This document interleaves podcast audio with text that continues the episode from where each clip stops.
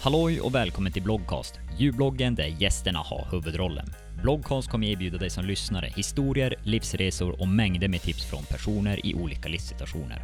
Har du lyssnat på tidigare bloggcastinlägg och gillade det som sades? Glöm då inte att följa Bloggcast eller mig, Hjalmar, på sociala medier och nämn oss i ett inlägg eller en story med vad just du tycker var bra. Eller kanske någon som du verkligen hade velat höra i Bloggcast.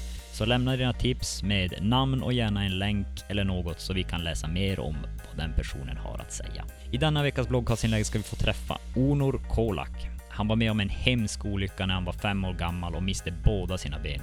Idag är han 19 år och redan en rätt erfaren entreprenör som har hjälpt att driva familjens företag sedan han var 11 år gammal. Han är även världens sjunde starkaste handikappade man med ett extremt driv och stora mål i både sin idrott och sitt företagande. I detta bloggcastinlägg får du som lyssnare höra en väldigt inspirerande och gripande historia som är proppfylld med tips och tankar för alla. Så håll i er nu, för nu åker vi.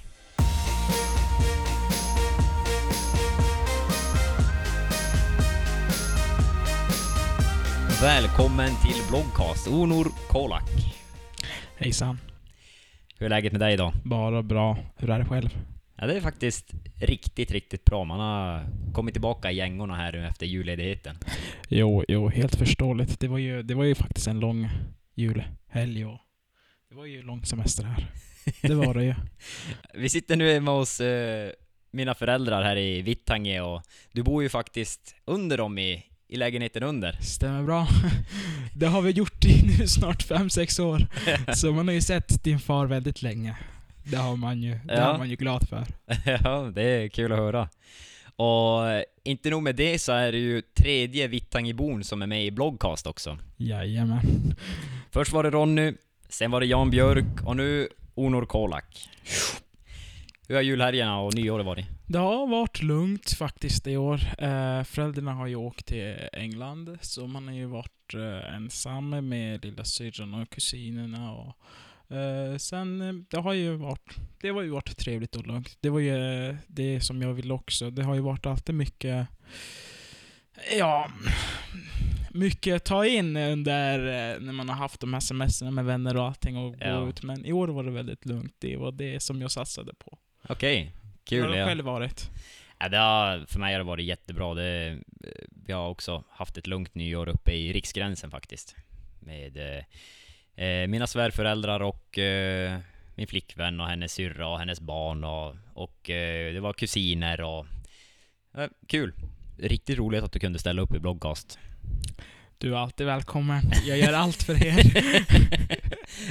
ja, Christer är ju som en farsa, så man ser ju dig som en bror då. Jag tänkte att vi ska starta det här femte bloggcastinlägget genom att göra som vi har gjort i varje bloggcastinlägg nu hittills. Och det är att eh, du ska få presentera dig lite kort själv om vem Onur Kolak är och vad du sysselsätter dig med idag. Ja, självklart. Eh, mitt namn är då Onur Kolak, eh, som ni har hört. Eh, så, eh, jag kommer från Turkiet eh, och född 1999. Eh, så man är ju 19 år i dagsläget. Eh, och eh, vi flyttade till Sverige när jag var sju år ungefär. Och eh, jag blev ju med om en trafikolycka när jag var fem år och hamnade under en lastbil. Eh, sen dess har jag varit dubbelbensamputerad eh, och eh, haft proteser och, och även rullstol då. Eh, sen har jag ju, ja, nu de senaste ungefär sen jag har varit 16 har jag ju varit väldigt involverad i företagande. Eh, entreprenör som jag kallar mig själv har man blivit. Eh, och just nu är man i startbeskedet och startar ett byggföretag, ett innovativt byggföretag här i Sverige. Och sedan så har jag ju även en lång sportkarriär. Sedan jag var åtta har jag ju sportat i olika sporter. Och sedan jag var 11 har jag ju friidrottat fram tills jag var 14-15 ungefär. Och jag blev ju Sveriges ja, juniormästare tre gånger i rad. Och skandinavisk mästare två gånger i rad i rullstol 60 meter, 100 meter och 400 meter. Eh, sen, ja, 15 år har jag ju tränat egentligen i gymmet när jag lade ner friidrotten. Och eh, sen har man börjat i gymmet och eh, just nu så är man ju världens sjunde starkaste man. eh, och det började jag tävla redan i år innan jag fick en inbjudan av Disabled Strength. Eh, som är ett, som ett, typ, ett slags av förbund i världen runt som eh, försöker få eh, olika atleter att eh, bli medlem. Eller ja, de skickar inbjudan till dem de anser som kan vara framtiden och eh, en bra atlet inom strongman. Ja, jag blev ju då inbjuden hos dem för att börja tävla i Tyskland, starkaste man, där jag kom på tredje plats. Sen var jag med i Island, där jag kom på andra plats. Och sen hade vi VM som jag blev eh, inbjuden i, via att jag kom på andra plats i Island och tredje plats i eh, Tyskland. Så fick jag bli eh, även inbjuden till VM som hålldes i Norge. Så sen dess, det har ju varit väldigt, eh, hur ska man säga, fascinerande eh, ens att få vara med. Och man är ju världens yngsta eh, inom strongman och lyfter massa stenar och bilar och eh, tunga grejer liksom som man inte kan direkt eh, förstå liksom heller själv. Men det är ju extremt kul där ju. Eh, men det tar ju det, det, det tar ju många timmar att komma upp dit. Det gör det ju. Ja, alltså du, du har en otroligt häftig resa måste jag säga. Så komma från Turkiet, du har som du sa då att du har en eh, varit med om en olycka, mist båda benen och ändå har det där otroliga drivet. Jag tycker det är sjukt häftigt. Jo, jo, tack ska du ha. Du vet, jag har ju, man hör ju det väldigt ofta, men jag brukar alltid tänka så här. Är det bättre att jag sitter hemma och gråter för min situation? Eller är det bättre att jag går ut och försöker skapa något nytt eller lägger till någonting? Ja, det är superhäftigt. Det är det det handlar om, tänker jag mig. Precis. Ja, det är helt rätt inställning, ingen snack om saken. Men som sagt, du har väldigt många järn i elden så att säga. Det stämmer väldigt bra. Man har ju mycket... Jag har ju lärt mig nu faktiskt. Jag har ju varit... Jag är en sån som eh, är väldigt realistisk av mig. Man har ju blivit det. Man har ju blivit tvungen att bli det. Men eh, man har ju väldigt mycket att göra och ibland så kan det ju vara så att du har så mycket att du inte hinner med liksom, du har ju, jag är en sån här som försöker oftast hålla mig vid bestämda tider. Men eh, det har ju inte alltid blivit så när man har så här jättemycket att ta hand om. Du måste ju ständigt träna. Eh, det går ju inte annars. Jag tränar ju nästan varje dag. Ja, på din Eh, nivå så Ja, måste så, man ju. och det är ju laga mat och allt det där. Eh, Mm. Det tar ju bara två, tre timmar om ens dag. Mm. Sen så har du ju även träningen. Ska jag träna inför strongman, då får jag räkna bort ungefär tre timmar om min dag Mm. i gymmet. Ska jag träna för ja, rep och bodybuilding och pumpa musklerna, då är det ungefär en timme och 30 minuter till två timmar eh, ungefär. Om jag har cardio med, då blir det ungefär två timmar. Så det är ju väldigt mycket. Du, du får inte så mycket tid heller efter det. Det blir ju typ som en heltidsarbete till slut. så är det väl egentligen med all idrott och sen att du också håller på med företagande på det också. Bara det är ju liksom, tar ju en, sin beskärda bit av dagen. Så att du, och sen också träning och sömn och sånt är ju också väldigt viktigt. Stämmer bra, stämmer bra. Man försöker få minst åtta timmar om dagen. Eh, får jag ungefär tio timmar, då blir jag väldigt... Eh, jag, jag blir li- lite på dålig humör för, Mm. på grund av så mycket sömn faktiskt. har jag märkt. Men åtta till nio timmar, då är det, då är det lugnt. Då, då ser du mig, Optimalt. då, ja, exakt, exakt. Då, då ser du mig på bra humör. Men annars, så var jag längre än tio timmar. Jag är faktiskt en sån här, jag har ju vaknat sedan jag var liten faktiskt väldigt tidigt. Okej. Så jag har ju inte så stora bekymmer och vakna tidigt heller, men eh, sova sent eh, under en längre period, det, det har jag ju lite problem med. Men eh, Mm. eh, det, man är nöjd med livet man har ändå. Det är ju väl det som är det viktigaste, tänker jag mig. 100% det håller jag med om. Eh, vi ska ju så här. Så om jag inte missdömer mig helt fel så är det ju ungefär 19 och ett halvt idag. Exakt. Och eh, vi ska spåra tillbaks bandet då, 19 och ett halvt år. Så vart exakt är du född och uppvuxen? Jag är uppvuxen i Istanbul.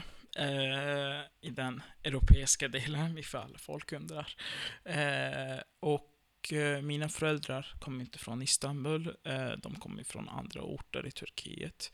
Eh, men de, har ju, de har ju bott mer än halva livet i Istanbul själv också.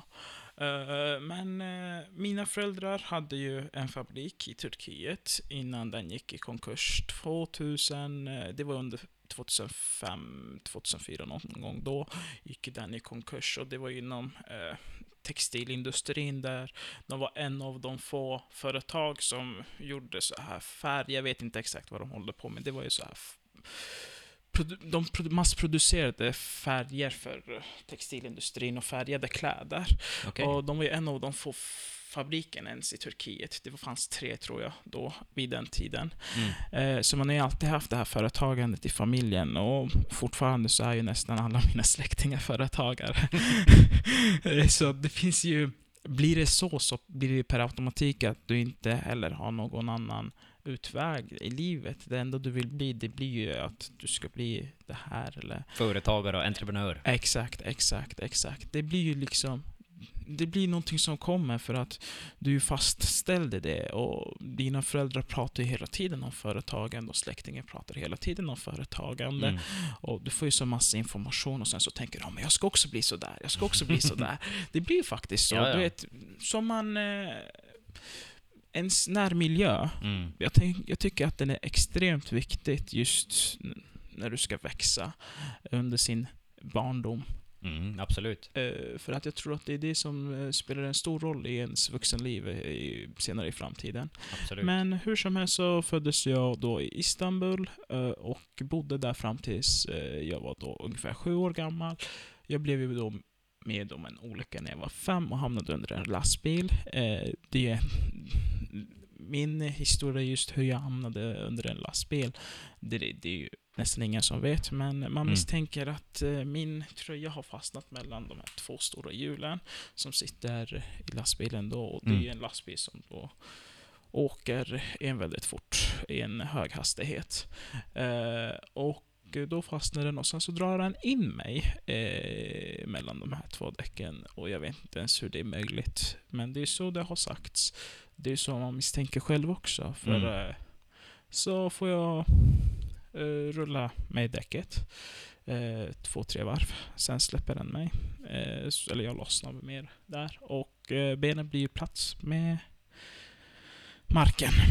Mm. och sedan ungefär efter 5-10 minuter tar min, ser mina föräldrar det hos dem. De hade ju en flervånings eh, hus eh, där nästan min, två av mina förbröder plus vi bodde. Den var ju väldigt hög. Mm. Fem, sex våningar var den ju. Som de hade byggt. Eh, så ser ju mina föräldrar mig där längst upp att mm. det är någon som har ramlat. Och sen så tänker man, vem är det? Ja men det är ju Onor. Mm. Det, har ju, det har ju blivit en folkmassa runt omkring också. Och sen så säger man det direkt till min far och sen så kommer de med mina farbröder. Och så lyfter han upp mig därifrån och sen så har ju han berättat att mina ben lossnade ju bara liksom. Tänk dig som spaghetti. Äh, fy fan. Eh, det var ju så pass eh, skadad. Mm. Eh, så sen så får jag åka in till sjukhuset. Och i sjukhuset, jag hade ju väldigt tur att under den tiden i Turkiet så hade man en riktigt, alltså det var ju riktigt bra doktorer. Okay. Det, var, det, var, ju världsklass. Det var mm. ju så pass. Och just sjukhuset jag var Eh, tänk dig, det var ju typ som Uppsala universitet, fast bättre. Det okay. var ju så pass. Mm. Eh, så fick, blev jag opererad i ungefär åtta timmar, någonting sånt där. Eh, och var i koma ungefär två veckor har jag för mig. Eh, så det var ju läkare trodde inte ens att jag skulle överleva. Men... Ja, det låter ju helt otroligt om du har... Ja, det är... Ja, det är ju någonting som händer. Jag vet inte, det är kanske en på en miljard, jag vet inte. Men ja. jag, har ju, jag har ju haft den oturen, men ändå turen att kunna leva, mm. överleva. Eh, det tycker jag ju, man ska ju alltid försöka se det på det positiva, för att ser vi in det i negativa, då blir aldrig livet bra. Så är det. Ja, det jag håller med dig helt och hållet, även fast jag jag kan ju inte ens själv inbilla mig om hur det är att liksom vara med om något sånt, att ha varit med om något sånt. Även fast inte du kanske minns så mycket så är det ju... Det har ju fortfarande hänt så att säga. Jo, jo. Något som man skulle vilja göra kanske. Du vet, många frågar ju så här, men Onur, hur är det att ha inte ben. Mm. Det är den frågan, man säger inte amputerad, det är inte ens så många som kan egentligen ordet amputerad. Men, eh, så, ja men eh, så säger jag, jo men man lär ju sig leva. Det är Absolut. ju så, man lär ju sig leva. Det finns ingen annan utväg. Nej. Eh, man måste. Man måste. Det är ju det, det, är det enda, du måste ju. Ja, man måste ju sträva framåt, som med allt annat. Exakt, så det är ju det man har gjort och jag har ju varit väldigt... Eh, jag, har ju, jag är ju en krigare som jag brukar säga. Jag är ju, när jag var liten, vad jag minns, så ville jag alltid bli soldat. Mm. Eh, och det finns ju, den glöden finns ju kvar fortfarande. Och Mm. jag, när eh, värnplikten kom eh, tillbaks här i Sverige så skickade de ju en sån här formulär åt mig. Så skrev jag ju där att jag jättegärna vill vara med. Men jag visste ju att det inte skulle ske så jag, ringde ju till och med runt och frågade just kan inte jag få vara med? så sa de nej det går inte tyvärr. Du får mejla men jag tror inte det. Så fick jag, så mejlade jag också. Jag visste ju redan svaret men Mm. Eh, Man vill ju ändå ge ett försök, det ville man ju för att alltså, jag, jag har ju alltid velat vara en, en sån här special forces i, Mm. med i det och, eh, men eh, nej. Det, det blev inte, så man, första idén var inte att bli företagare, eller det var inte målet. Det var Nej. ju att bli Soldat militär, soldat. Men ja, Ja, det är, mm, det är fortfarande inte för sent, om man säger så. Och som jag ser så, du är enormt stor, alltså dina armar är i princip som mina lår, så att eh, eh, tränad kan man ju inte säga, eller sticka under stolen att du har gått miste om så att säga. Träningen finns där. jo, jo, jo. Man hör det ofta. Historier som din hör man inte ofta. Speciellt inte i den situationen du har liksom både varit med om och den du är idag, för att du är ju, som vi sa, extremt driven. Men hur gammal var du när du flyttade till Sverige, eller din familj flyttade till Sverige? Jo, vi var, jag var sju år ungefär. Eh, sen, eh, det var ju jag, min mor och min lilla syster Mm. eh, som började den här resan. Sen kom min far efter. Mm. Eh, och eh, vi flyttade in till min moster eh, i Sverige, som var i Västerås då. Och bodde hos henne ungefär fyra, fem månader. Drygt nästan, kanske sex till och med, jag minns inte exakt. Eh, men sedan så flyttade vi till en egen lägenhet och skapade liksom vårt eget liv där. Mm. Eh, sen så jag började ungefär, jag kom vid april, vi kom ungefär där vid april månaden Mm. till Sverige. Och jag började vid skolan eh, vid höstterminen.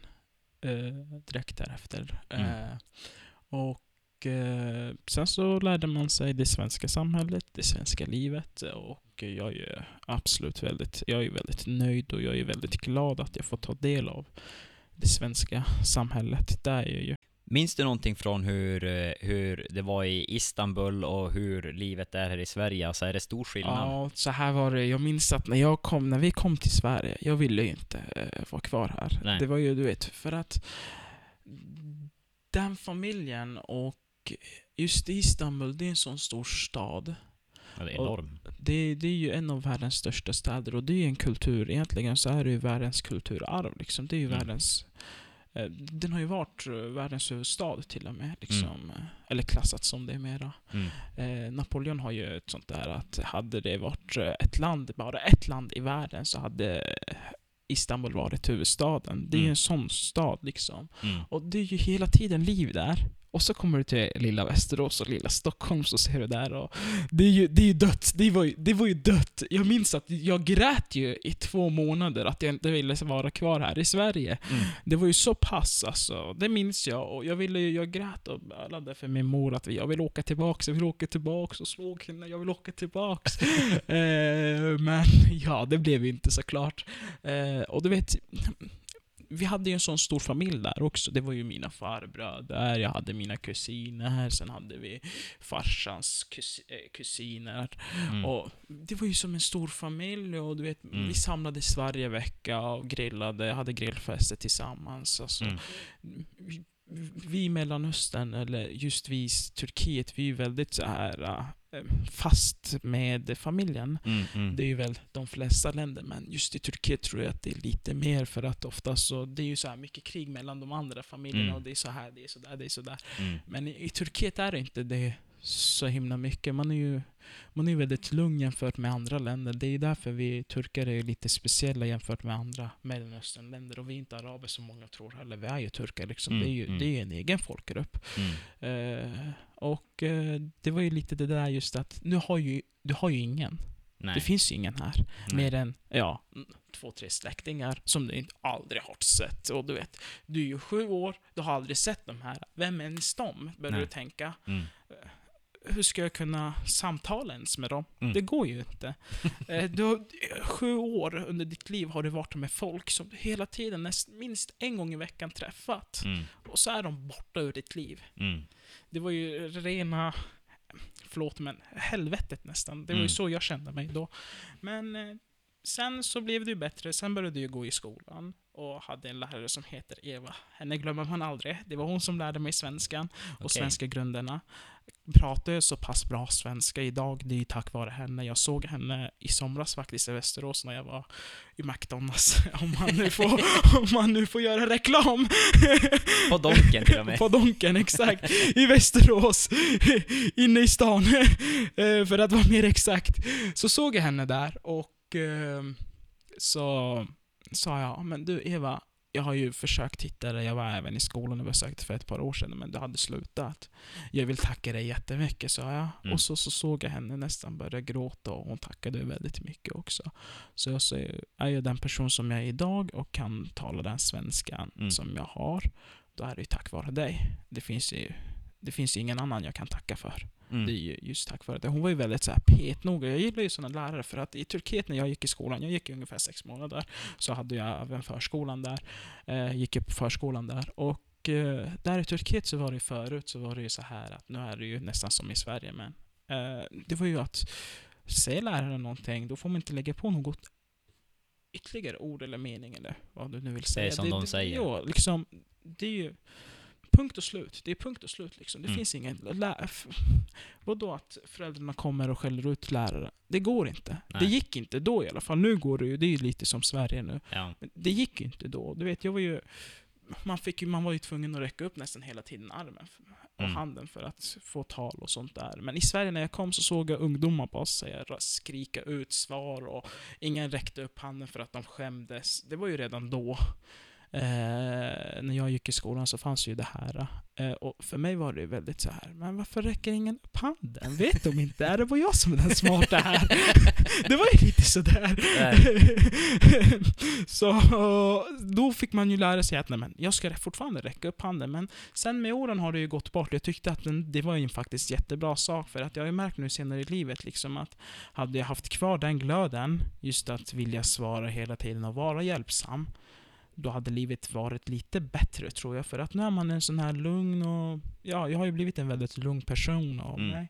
Och det är ju det, jag har ju blivit lite uppvuxen efter det svenska samhället. Mm. Men jag tyckte att just när jag var liten så kanske jag var lite bättre på att säga vissa saker. Det var man ju. Man, var- man var inte rädd så mycket. Eller man Nej. var inte...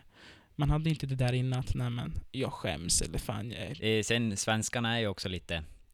Vågar inte riktigt ta för sig, så att säga. Exakt, exakt. Du flyttade till Västerås då med dina föräldrar och Exakt. eh, Eva där var... Eh, var hon gammal? Var det därför hon hade slutat från skolan? Jo, jo, hon var ju väldigt gammal. Du vet de här gamla lärarna. Ja, Okej, de, ja, var ja. ju, de var ju, hon var ju, redan då var hon väl ungefär 63 någonting. Sen så slutade de skolan efter två år, har jag Okej. för mig. Gick på pension. Sen har de flyttat till Göteborg med hennes man. Hon Mm. kunde ju tyska. Det var, jag tyckte att jag, jag gillade ju just... Jag gillade ju latinskan sedan, latinen, eh, sen jag var liten. Jag ville ju alltid lära mig latin Okej. sa jag. Och så tyska var ju det här andra språket. Det var ju så coolt. Du vet, Mm. vi turkar, det är jättemånga turkar i Turkiet, i, förlåt, i Tyskland, Mm. eh, som har flyttat då från Turkiet under 50, ja, 1950-talet ungefär. Okej. Då när Tyskland skulle byggas efter andra världskriget, så är det ju många turkar som har flyttat till Tyskland. Och det var ju extremt cool och du vet, eh, besöka ens Tyskland, det var något sånt här. Åh fy fan vad coolt det måste vara. Det var massa turkar här. Och sen så åkte man till Tyskland i år, och så, så ser man smutsiga gator. Det var ju det jag var förbannad för. Smutsiga gator i det här Ja. landet, det går ju inte ihop. Eh, sen så tyckte man absolut inte om Tyskland. eh, för i övrigt hade de ju väldigt dyr bränsle också där. Ja, ja, Men något mer än så liksom, ja. Jag tyckte inte om Tyskland i alla fall. Så man, man, man, gjorde, man bockade ju av ett av de här sakerna som man ville göra när man var liten. Det har Mm. man ju gjort nu när man har varit lite äldre. Vi har det bra här faktiskt. Det har vi. Jag har ju besökt många länder. Och jag besöker ju allt mer länder nu när jag tävlar också. Mm. Eller börjar tävla och... Du vet, jag tycker ju att Sverige är väl... Alltså vi, vi lever ju så här i toppen av ett berg. Mm. Det är så jag ser En pyramid eller Mm. kalla vad du vill. Eh, och eh, sen så är de andra länderna under oss. Det är typ som en hierarki där. Men tänk dig lite så, det är ju lite så. Liksom vart när vi besöker, vi tycker synd om folket där för att de får stå ut med det här landet. Ja. Jag tycker att alla är värt att leva den standarden vi har i Sverige. Det, alltså det, det måste vara grunden egentligen till Mm. alla länder. Mm. Vi har ju så bra... Vi har ett jättebra land egentligen. Ibland tycker man nästan vi har det för bra. Exakt, vi har ju det extremt bra i Sverige och jag är ju Mm. väldigt tacksam att jag får vara en del av det svenska samhället och det är därför jag vill också leverera Mm.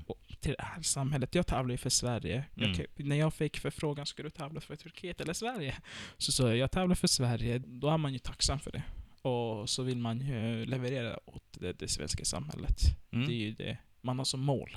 Alltså, det är så otroligt spännande, för jag vet ju själv inte, jag har ju bara sett Sverige från liksom hur jag är född och uppvuxen här i Vittangi själv och, och Sverige har jag väl börjat se här nu på senare år. Tidigare har man ju inte tänkt på det, då har man ju bara, alltså, ja, levt bara. Men nu har man ju börjat tänka på att vi har det faktiskt fruktansvärt bra, vi har enorma möjligheter att göra saker som i princip är nästan till omöjliga i andra länder. Jo, du vet, jag tänker mig så här att hur många är vi i Sverige? Det är ju 10 miljoner i befolkningen. Ungefär. Och tänk dig att vi har så många patent i landet, vi har så många storföretagare, Mm, alltså i världsnivån. mm, Det, man man måste tänka, hur kommer det sig?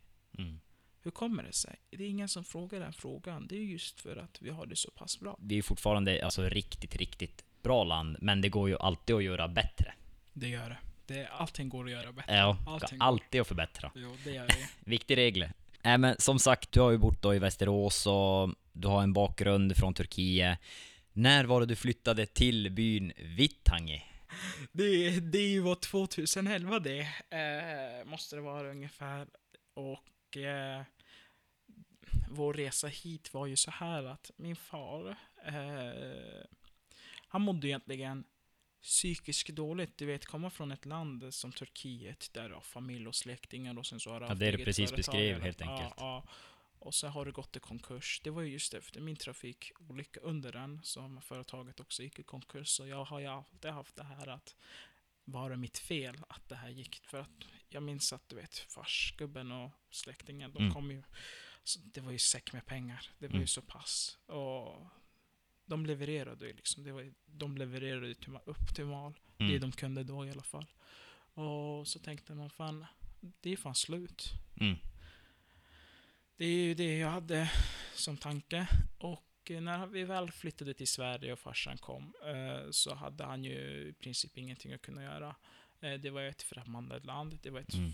främmande kultur, Mm. eh, det var ett främmande språk framför allt. Eh, Man kan inte prata den, man är ju redan ungefär ja, nästan 40 år gammal, man har problem med att ta in nya kunskaper. Du vet när man blir äldre så, Ja, ja, ja. det blir ju Det är svårare att lära en gammal hund att sitta. Jo men så är det ju, så Mm. är det ju. Och eh, han hade ju, han har ju fortfarande stora besvär med språket.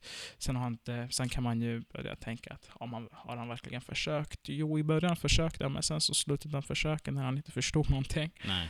Eh, så blev det ju. Och eh, han gick i skolan, det gick inte så bra. Och sedan så sökte han jobb, eh, jobbade ett par ställen. Det var inte, du vet, tänk dig att du har ju varit eget företagare i så Mm. många år. Du kan inte jobba under någon, det går ju inte liksom. Du känner ju, det, det, du känner ju att det, Det, händer som, ingenting. Nej, exakt, exakt. Det är någonting som är fel. Du har inte lärt dig att få order från Nej. någon annan. Eh, Så det gick inte så dåligt. Så sa han, vi ska starta en restaurang och du ska hjälpa mig. Jag, bara, jag var ju extra, jag var ju så glad. Mm. Jag var ju så glad, du vet. Man får göra så här vuxenjobb. Mm. Eh, då hade jag ju idén att bli, jag ju, har ju varit bra på datorer och sånt där. Jag har ju varit här Mm. väldigt tekniskt intresserad sedan jag var liten. Eh, så jag ville ju då bli tekniker, ingenjör. Det var ju det som jag hade målet som jag var liten.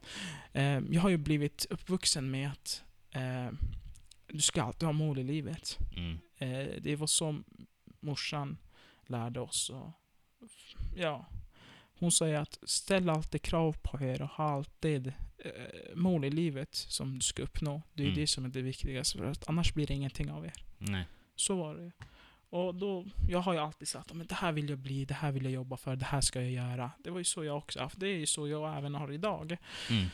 Och ehm, så mejlade jag åt kommuner och skrev. Och jag har ju läst de här gamla mejlen, det är massa stavfel och du, du var ju, jag var ju då ungefär 10 och du vet. Ja. Du vet hur en tioåring skriver. Jag är bara så glad att kommunen har skrivit tillbaka i alla fall åt mig.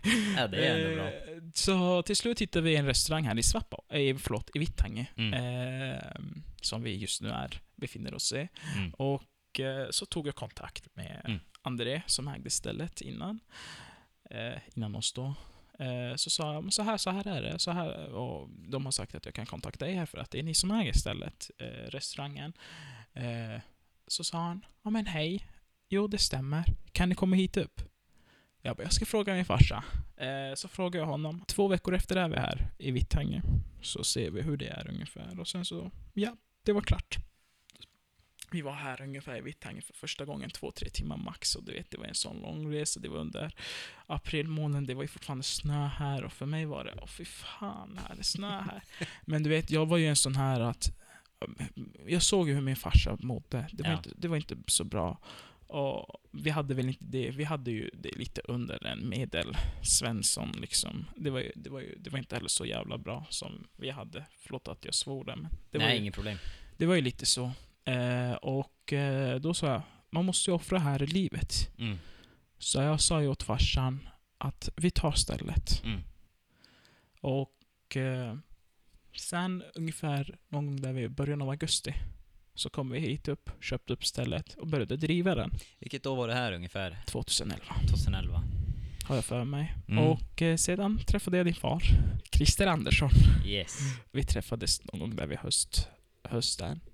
Eh, hade lite affärer med honom. Och eh, sedan dess har ju han varit en stor förebild för mig. Han är väl en av de största som har hjälpt mig genom mitt liv. Alltså jag kan säga att Christer är en väldigt unik person. Eh, han är ju som, som jag sa i början, han är ju som min far nästan. Jag träffar ju Christer varje vecka, din far nästan. Mm. Och eh, vi har ju en hela tiden ständig diskussion och kontakt. Mm. Ja, vi ska gå in lite mer på det där sen senare. Alltså, du har varit med andra ord typ en företagare från du var 10 ungefär. Exakt, egentligen. Egentligen. Jo. Ja, det är sjukt häftigt. Hur var det där? Hur kunde du alltså driva ett företag och hjälpa din familj med företaget och sen samtidigt hinna med högstadiet och skolan? Så här var det ju. Jag har ju lärt mig att prioritera och kompromissa och även offra vissa saker. Jag har lärt mig att inte alls vara en egoist. Eh, och eh, när jag gick i skolan så var det att jag fortfarande kom till eh, restaurangen, betalade fakturor ifall det krävdes, kontaktade runt olika företag för att det är ständigt ett arbete. Många tror ju att men driver en restaurang, det är väldigt enkelt. Det är fortfarande, det är ett, fortfarande ett företag du driver och de som driver ett företag vet ju att att driva ett företag är inte alltid så enkelt. Inte bara att servera mat på en restaurang. Nej, nej, men eh, så jag fick ju lära mig och både gå på skolan men samtidigt eh, jobba. Jag jobbar, jag har jobbat ju jag har ju jobbat nästan ja, varje sommar, varje dag. Eh, jag har jobbat när jag gick i skolan eh, under helgerna, varje år ungefär. Eh, nu har ju det lugnat ner sig för att det är inte lika mycket jobb som det var förut. Vi driver ju fortfarande två restauranger, sen har vi en bensinstation som nu vi startar fast, och ett par fastigheter i bolaget. Men eh, sen startade jag eget, så jag, har ju, jag måste lägga mer tid på mitt egna Mm, än mm. eh, familjeföretaget i dagsläget. Sen har vi anställda som jobbar i restaurangerna, så det har ju blivit såklart mindre, men jag tänker mig att jag har ju lärt mig så enormt mycket i ung ålder, du vet. Mm. Jag har ju lärt mig att, alltså, man lär ju sig att försöka se ett steg fram. Mm. Eh, Jag har lärt mig allt från Skatteverket, du vet, bokslut och hur du ska kunna hantera papper och allt det här. Eh, till hur jag borde tänka just vid företagande och entreprenörskap och allt det där. Många säger ju entreprenör åt sig själv. Jag, jag tycker att man man är inte en entreprenör om man inte kan lägga på något nytt. Det funkar inte så. Jag kan inte kalla mina föräldrar för en entreprenör egentligen. De har inte lagt till något nytt. Visst, de har kommit hit och startat något, en ny verksamhet, men det är inte fortfarande något tillräckligt nytt. Det är nytt här, men det är inte nytt i Sverige. Och jag ser ju, du vet, folk som har 100, 200, säg en miljard. De är inte entreprenörer enligt mig om de inte har kunnat lägga på något nytt. Alltså entreprenörskap är ju nytänkande. Det är nytänkande. Ibland måste man ju komma på hjulen två gånger för att lära sig den. Absolut. Och grunderna är viktigt och du har ju verkligen fått en, en grym start i livet som företagare så att säga. Jo. För att eh, många går ju som i högstadiet och de går i skolan och det gör de bara. Sen får de hem och kanske, ja till exempel som jag själv. Jag har ju inte börjat med mitt företagande förrän, ja det är bara ett, två år sedan tillbaka. Såklart har man ju hjälpt till med farsan, men det har ju som inte alls varit på samma nivå som du har. Så till exempel, jag har ju kommit hem från skolan, jag har farit och varit med kompisar och det har varit bara liksom lek och stoj. Men det har ju varit mitt intresse då. Och jag har ju som inte blivit... Ja, du har ju helt enkelt hjälpt familjeföretaget med språket så att säga. Ja, det är ju det som, jag vet inte om man ska se det här som en nackdel eller fördel. Det har ju varit en nackdel för mina föräldrar att inte kunna tala språket. Min mor kan ju tala bra svenska, men inte i, tillräck- i den tillräckliga nivån just när det handlar om, ja, Affärer och allt Exakt. möjligt. exakt, exakt. Och då har man ju varit tvungen att komma in. För att du vet, ska det bli någonting måste man offra liksom. Det många, som du berättade också, du har ju haft där att du har gått hellre ut med vänner och Mm, mm. ja, umgås med andra. Säger man ja till något så säger man nej till något annat. Exakt, så är det. Så Mm. är det. Och det var ju det jag fick faktiskt säga hela tiden också. Men när någon sa, men hänger du med honor så går vi ut. Nej, men det går inte. Nej, nej. Eh, Det hände ju speciellt under gymnasietiden när jag gick här i Jampis då första året. Så sa ju folk, ja men fan, hänger du med till det här och hänger du med till det där? Jag sa, nej men det går tyvärr inte. Först och främst måste jag plugga jag är här för att plugga. Det andra måste jag hjälpa min familj. Då hade jag ännu mer att göra för att då tog jag nästan hand om hela familjens företagande. Mm. Eh, Plus de- skola. Plus skolan, exakt. Och det blev inte så bra. Sen när morsan skulle, just i gymnasietiden, eh, tiden, så... Eh, jag tycker inte att... Jag har ju gjort lite dåligt av mig, det har jag gjort, men... Eh, I skolan då eller? eh, just i gymnasiet. Det är faktiskt i skolan, just i grundskolan har jag gjort det riktigt bra av mig. Eh, Har du det i enkelt tang- i skolan eller? jag har ju haft det allt enkelt. Det har inte varit så här svårt. Eh, när jag var liten, eh, i Turkiet fick jag ju de här skolgrunderna hur jag ska bete mig i skolan. Det har jag fortfarande än idag. Jag har jättestor respekt för lärare. Det är ju så. Lärare är väldigt viktiga för mig i mitt liv. Liksom. De är ju personer som man verkligen behöver. Ja. Och jag tycker att de ser... I Sverige så tycker jag tyvärr så får inte lärare den Respekten. respekten de tjänar egentligen. För Nej. att de tjänar väldigt stor respekt. Det gör de. Nej, så här, eleverna ser ju oftast det som en pina och man vet ju själv när man gick i skolan också, det var ju, alltså, det är ju inte kanske det roligaste du vill göra. Och det är ju kanske de tankarna som just går i en skalle, men eh, just då. Men eh, att man fortfarande kan liksom eh, ha sån disrespekt till någon som ändå är där för att lära dig någonting. Ja, ja, ja. Du vet, jag, jag har ju typ, jag blir, jag blir, jag är så, jag vet inte om jag ska säga en aggressiv person, jag är inte väl så aggressiv om mig, men just när inte folk lär sig vissa saker och du har gått igenom så här tio gånger och de lär sig fortfarande, jag blir extremt förbannad. Men det blir inte alla lärare. Nej. Alltså bara det känner en jättestor respekt. Mm, mm. Eh, I Västerås gick jag på väldigt bra skolor, som tur. Det var ju bara i princip svenskar i de skolor jag gick i. Och jag fick en jättebra eh, start. Mm. Eh, I Vittangi var det sämre. Men i Västerås var det extremt bra. Jag var ju på topp hela tiden liksom. Mm. Jag försökte hela tiden göra klart matteboken och historien var ju så stor intresserad. Det Mm. hade hela tiden bästa, ja, vi hade ju så små prover och sånt där och du vet glosor Mm. och massa. Jag försökte hela tiden prestera det högsta, så jag var ju alltid, jag tror att det var, ibland var jag det först, alltså den bästa Mm. och ibland blev jag, kom på andra plats. Mm. Så jag har alltid haft det här just att bli riktigt bra. Sen när vi flyttade till Vittange så var det ju fortfarande att man försökte ju bli riktigt bra i skolan men samtidigt måste du kompromissa andra saker också. Ja, det var då Mm. företaget kom in i. Exakt, exakt. Men jag gjorde ju fortfarande ett bra jobb. I sjuan hade jag fått riktigt bra betyg. I nian blev det ju lite sämre just på grund av att det blev väldigt mycket. Men sen var det ju också att umgänget som man, man hade, det fanns ju inget annat. Du vet, hur många är vi ens som bor här i Vittange? Ja, det är strax under tusen personer. Ja, ja, och hur många av dem är barn som går i eh, skolan? Nej, precis. Det är inte Det är många inte man kan många. umgås med. Nej, exakt. Så eh, det blev lite sämre med åren, men jag hade ju fortfarande just att man ville ju hela tiden prestera högt. Mm. Och jag tog in så mycket kunskap jag bara kunde. Sedan i gymnasiet så, eh, så fortsatte jag med det. Och det gick ju faktiskt det gick hyfsat just första året fortfarande. Sen även under andra året.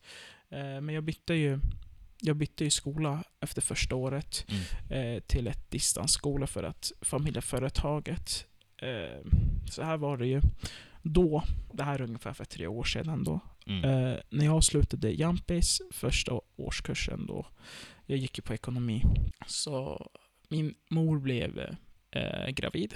Mm. Hon jobbade inom företaget. Min far var ensam. Ett av min kusin som kom till Sverige, han blev utvisad. Mhm. Vad ska du göra? Ja, det. Du har två restauranger att driva. Driver inte du dem, då går du i konkurs. Så, Mm. är, så enkelt är det. Mm. Eh, De här bägge måste ju gå runt för att du har ju fortfarande skulder att betala, du har massa avgifter att betala. Står, liksom står fastigheten bara där fortfarande så har den en viss utgift ständigt. Jajamän. Och det här måste du driva in. Mm. Annars går det i konkurs, det går ju minus. Ja. Det vill man ju inte. Nej. Så då fick jag ju offra skolgången för det. Mm. Så jag bytte till ett distansskola. Jag sa så här, så här är det. Då sa hon, eh, syon, att jo, men det här kan vi göra. Ja, och det gjorde vi. Det gick jättebra. Eh, men Gick du ner på i, i hastighet, alltså nej, studiehastigheten? nej, nej, jag bytte ju till en distansskola som var i Kalmar. Eh, Okej. Så jag läste ju där.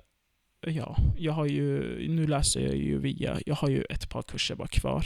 Så nu läser jag istället via komvux. Gör dem klart här i Kiruna. Men det är inte så många kvar. Nej, det, det roliga är att när man pratar så här med dig, då är det som att du har gått ut skolan för länge sedan och du har hunnit driva företag i flera, flera år, men du är fortfarande bara 19 år gammal. Jo, jo, det, folk blir fascinerande över det. Och du vet, det har ju, just nu de senaste åren har det ju kommit fram i medierna att många har fuskat med sin ålder, de här asylkommande. Vi kommer inte som asyl, men Nej. många asylkommande, ensamkommande barn har ju fuskat med sin ålder. Så Mm. fråga folk, om fan är du verkligen, är du verkligen 19? Ja, men jag är 19 liksom, förlåt men jag är det. men det har ju, alltså jag har ju blivit uppvuxen, alltså jag blev ju vuxen så pass tidigt. Ja, det är så det är faktiskt. Redan, alltså du vet, jag har ju just nu, jag, man utvecklas ju hela tiden. Med åldern utvecklas man ju. Det är Varje ju dag. sant, exakt. Och eh, jag har lärt mig empati till exempel. Det är Mm. många ungdomar och ens vuxna som inte har det. Frågar du mig så kan jag bli bättre på det fortfarande, men jag har en väldigt stor empati. Jag försöker ju se vad typ du har för fram, liksom, vad kan du ha för, som nästa steg? Vad Mm. vill du göra? Liksom? Det är det man försöker komma och det tar ju väldigt lång tid och det kräver en viss grad av vuxenhet tror jag, just att komma en sån Absolut. bit. Samtidigt så ser man ju världen mer realistisk. Men efter gymnasiet, vad gör du? Du går och jobbar på LK, eller så Mm. fixar du jobb någon annanstans. Det finns ingenting som heter företagande Nej. vid efter 18-årsåldern. Det finns inte. Eller så pluggar du vidare efter Ja. ett år ungefär. Det är så det ser ut som en standard eh, Kirunabo. Kirunabo, absolut. Så är det. Eh, jag är inte en av dem. Eh, och det är ju så nästan över hela Sverige också, alla ungdomar i ja, i Sverige. hela Sverige är det nog så. Det, Jo. Och eh, jag kan ju, både på grund av min nedsättning, men även alltså just att jag saknar ben. Det syns ju. Det syns ju Mm. hur som helst. Så redan vid ung ålder så bestämde jag mig att jag kommer få problem att få jobb. Liksom, du vet, just det här första inblicket med människor utan att prata med dem så dömer vi ju dem så pass snabbt. Så är det. Tyvärr. Det visste jag redan då. För Mm. att bryta den här punkten, det går ju inte egentligen att bryta den. Du måste först prata med den här personen. Nu när du pratar med mig så lär ju dig massa. När jag pratar med dig lär jag ju, ju från dig massa saker. Så Precis. ju. Men utan att prata kan jag ju döma hur som helst folk. Och eh, då visste jag att det kommer ju vara ett problem för mig att få ett jobb eventuellt. Så då sa jag så här, förlåt här men jag ska inte bli någon bitch åt något annat företag. Så är det Nej. så är det ju. Och det är ju den grunden vi egentligen har haft i familjen också. Just Ja. att man skapar något eget. Mm. Man försöker skapa något nytt och så, så försöker man tjäna pengar. Det är Mm. det som vi har som mål. Och sen bygger man ytterligare och större och större. Mm, mm. Eh, utvecklar den. Eh, och redan då bestämde jag mig att det finns ingen annan utväg för dig. Och ska du satsa måste du satsa på eget företagande. Och det är det jag har gjort de senaste faktiskt. Alltså suttit och verkligen i de senaste tre åren verkligen suttit inne och försökt någonting. Christer vet ju lika väl. Och din farsa är ju, ja, vi glömde kanske nämna, han är ju min mentor, affärsmentor. Även om han inte nu än har fått betalt så ska ju han få en, en stor check med pengar när det går nu snart igång. Jag tror att han är mer än bara glad att få hjälpa till. Han har ju haft sitt företagande lite på is nu när han har jobbat med Folksam här tidigare. Och eh, nu har han ju kommit tillbaka i, i gamla gängerna och jobbat lite med sitt företag och... Så jag tror att han tycker att det är bara kul att få hjälpa till också. Och snacka med någon som är så pass intresserad och driven som du är så. När jag började nu med egenföretagare, eller som egenföretagare, det blir så här, du hittar en sak. Och sen är det som bara, oj jäklar, det finns så här mycket andra grejer att göra. Och sen börjar man att rota lite och sen får man ihop någonting och då kanske man kör på det ett tag. Och nu har jag haft mitt företag i ett år, men jag har redan nu alltså involverat mig i ett flertal, många andra olika projekt.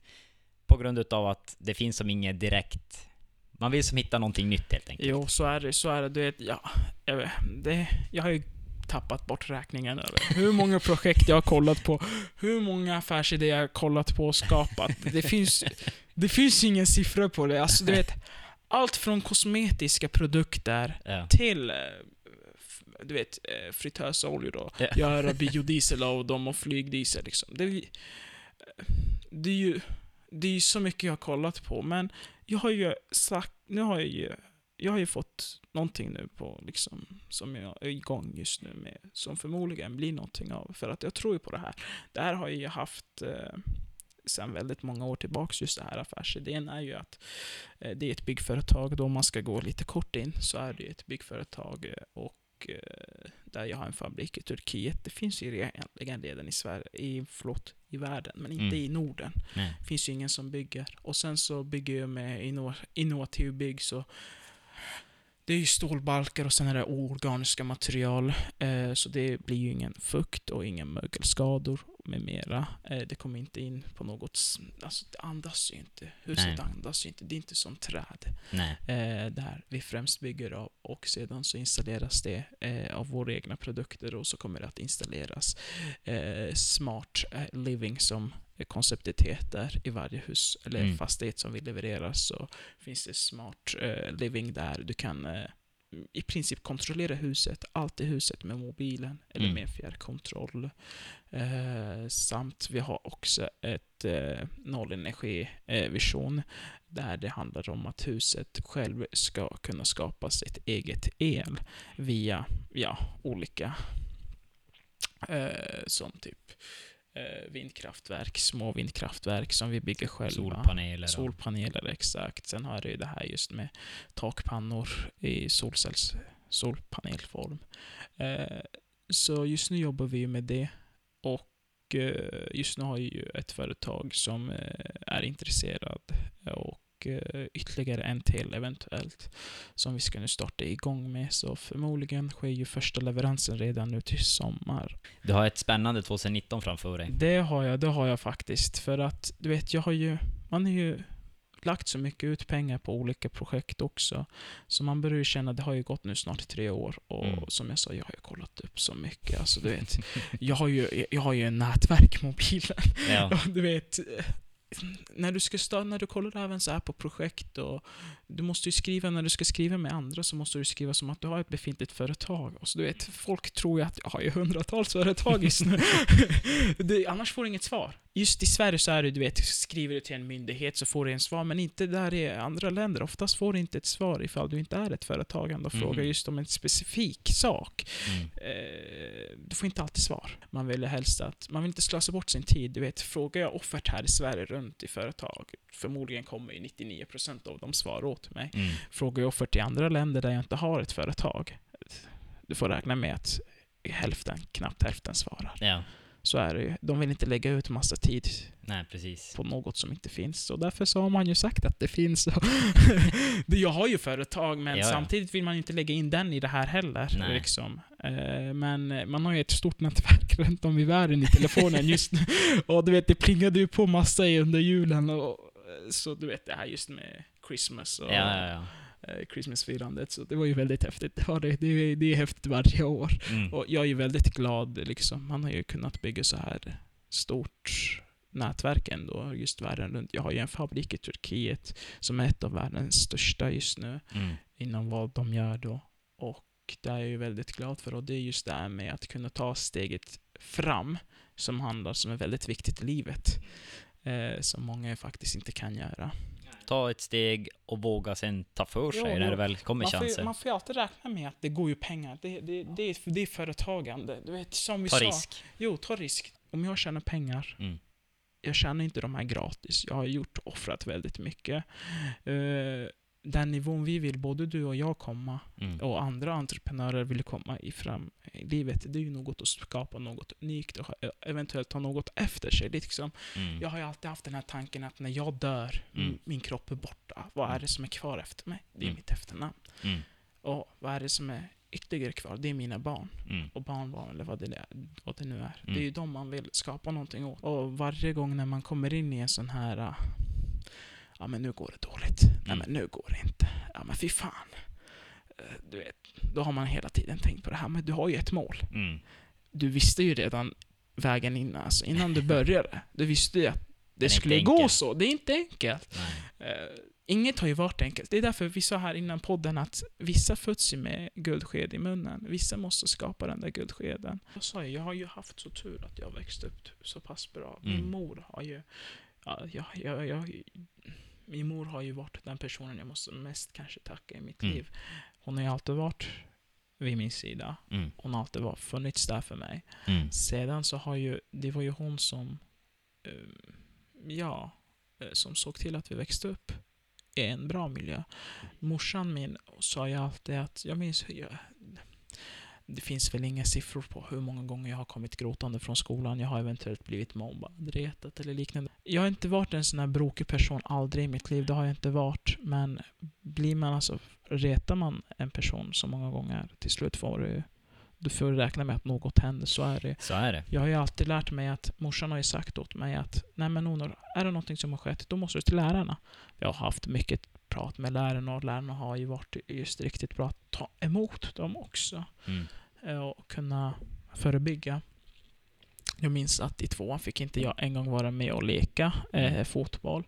Eh, och då sa jag åt lärarna, men då sa jag kom inte till skolan ett par dagar. Mm. Det hade ju hänt lite ytterligare än så också, men eh, när jag kom tillbaka till skolan så hade vi talk då, liksom Mm. eh, diskussioner i klassen och sen så har det gått bra. Jag har inte, som tur, jag har ju sett många andra blivit alltså, mobbade så pass mycket och läraren inte har gjort någonting. Jag har ju haft tur att jag inte är faktiskt nästan alls blivit mobbad Mm. eller retad på en sån stor skala.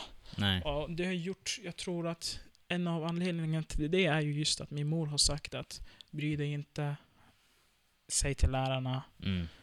gör ingenting, ta det lugnt. Jag kan tänka mig alltså när du har gått i skolan också, alltså, eh, alltså att komma till en skola, en ny skola, dessutom två nya skolor. Först Västerås, sen till Vittangi. Men ehm, alltså, du, har, du sa ändå att du hade kommit ändå ganska bra under det här med mobbing och sånt. Jo, liksom, jag har ju... Nej, jag, jag, jag anser ju mig som en lyckat fall. Eh, just när det handlar om mobbing. För att jag har haft så många vänner, du vet, de har haft problem med att skapa vänner.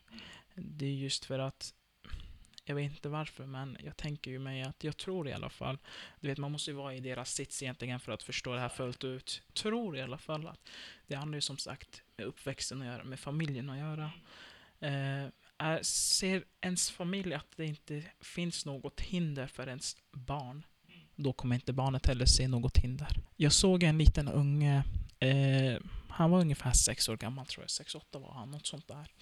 Han hade inga armar, han hade fötts med att inte ha några armar alls. Och du vet, jag var ju så himla fascinerande. Det var i Luleå, i en eh, så här eh, idrottsevent, som jag såg honom.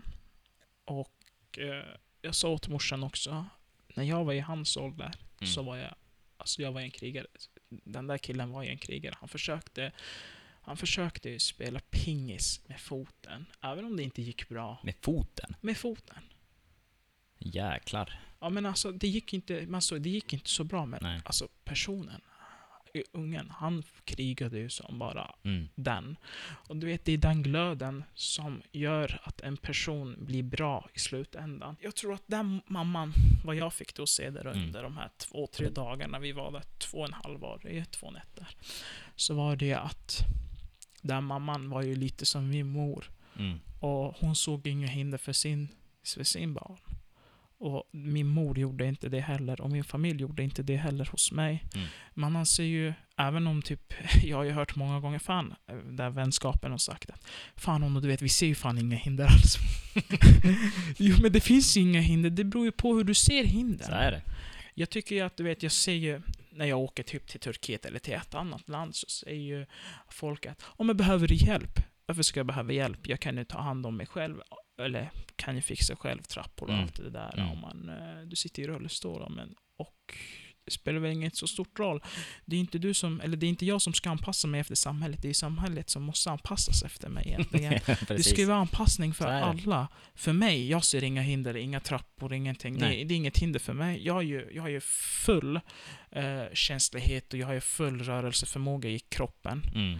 Det enda som jag saknar det är ju ben. Mm. Det är inget så stort hinder om du frågar mig. Men det finns ju de som har det värre, där de verkligen behöver att det finns hissar, det. finns ramper och med mera liksom. Mm. Eh, det måste man ju. Jag tycker att Sverige är ju faktiskt dåligt på det. Och sedan så är det just att, som vi sa lite, inne, lite innan, att ens att kunna gå ut Mm. i samhället, det kräver väldigt mycket när man har en funktionsnedsättning. Mm. Mm. Eh, och just när man har en större funktionsnedsättning. För att du vet, folk kollar ju på dig som att som om du var en creep liksom. Mm. Frankenstein-monstret. Mm. Det är ju lite så. Och det krävs ju att eh, samhället och jag tror att skolor just där är faktiskt väldigt viktigt. Jag tror att just det kan vi förbättra väldigt mycket i Ja. skolorna. Att ja, personer som jag, det behöver inte vara jag, men personer som jag går ut till skolorna där staten anställer dessa personer. De får gå ut i hela landet. Och prata om... Prata om sig själv, visa, att, låta barnen testa en rullstol eller en rullator eller vad det nu handlar om. Liksom. Barnen måste ju se. Ja, det är helt vanliga människor. Det är ju helt exakt, de har ju också ett liv. Men Mm. speciellt just barn, du vet, jag har ju... Sen är det tufft också för någon som sitter i den sitsen, alltså du har ju det Alltså väldigt, du är väldigt framåt av dig. Du är väldigt, du vågar ta kontakt med människor. Vad, du, vad jag har hört av, av farsan, han brukar säga att ja, Onor han hade kunnat fast ringa till kungen om det hade varit så. Det är där, det här... och, och så du har ju en, alltså, man får väl säga en fördel med den biten, men sen är det sådana som kanske inte har det och så ändå har en funktionsnedsättning. Det måste ju vara jättetufft att Jo. komma ut och vara, ja men känna sig, att känna sig själv normal, om jag tänker mig i deras sits. Även fast de är normala, men att liksom inte ha den här att, jag undrar vad han och hon tänker om mig. Jo, jo. Det, du vet, om jag ska ta från min familj, vi, har, jag är ju, vi är ju fyra syskon nu totalt, inklusive mig då, vi är fyra syskon. Jag är, jag är äldst av alla. Mm. Jag har en lilla syster och två lilla bröder. Som jag sa, morsan blev gravid, så ungefär eh, yngsta lillebrorsan är ju nu ett och ett halvt nästan. Mm. Och eh, när jag ser honom och när jag ser min lillebrorsa som är nu tio år, Mm. eh, snart tio år, eh, så de ser inga hinder Nej. med mig. Lillebrorsan kan våga ta och liksom du vet, jag har ju ärr i benen. Mm. Det är ju ett självklart liksom. Ja, ja, ja. Eh, och eh, när han var liten, det är första gången han ser. Alla Mm. han har sett, de har ju med ben. Mm. Och så, så såg han en gång benen. Han blev lite rädd i början. Mm. Men sen tog han ju på det.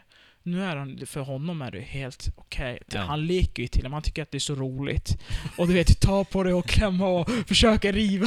Så blir man ju sur såklart. Man ska inte göra så. Nej. Men du vet, det har ju blivit en... Det har ju, för honom Det är är det normalt. jättekul. Det har blivit normalt. Mm. När jag ser min lillebror, när han ser andra handikappade. Alltså han, han, han kollar ju inte ens. Han, behöver, han vet att för honom, kollar du på en annan person när du går, det är inte ofta man gör, man kan ju säga hej och sånt där, men du, kollar, du stirrar ju inte in i den. Nej. Det gör man inte. Nej. Men andra eh, människor i samhället, de brukar ju stirra in just när det handlar om funktionsnedsättningar. Lillebrorsan gör ju inte det, för att han är uppvuxen med en bror som har en funktionsnedsättning som inte har ben, men Mm. som har lyckats. För honom kan ju då alla lyckas. Ja, Så så är det. Och de har inga nedsättningar. Nej. Och det är det liksom, jag tycker, jag har ju sagt det så många gånger i just alla intervjuer jag har blivit faktiskt Mm. varit med om. Och jag har ju sagt att alltså, staten kan göra någonting, Skolverket kan göra någonting emot det. Mm. Mm. Vi vet ju att det här kan inte ske nu om tre, två år, att vi ändrar bilden på hur folk Nej. ser.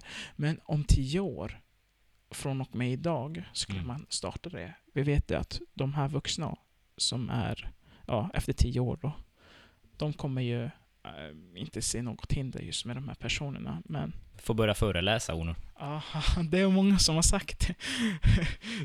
Alltså nu har vi verkligen gått igenom en hel del här. Vi har pratat om Vittangi, vi har pratat om hur din skolgång har varit, lite om gymnasiet och du läser än idag lite på distans. Jajamän.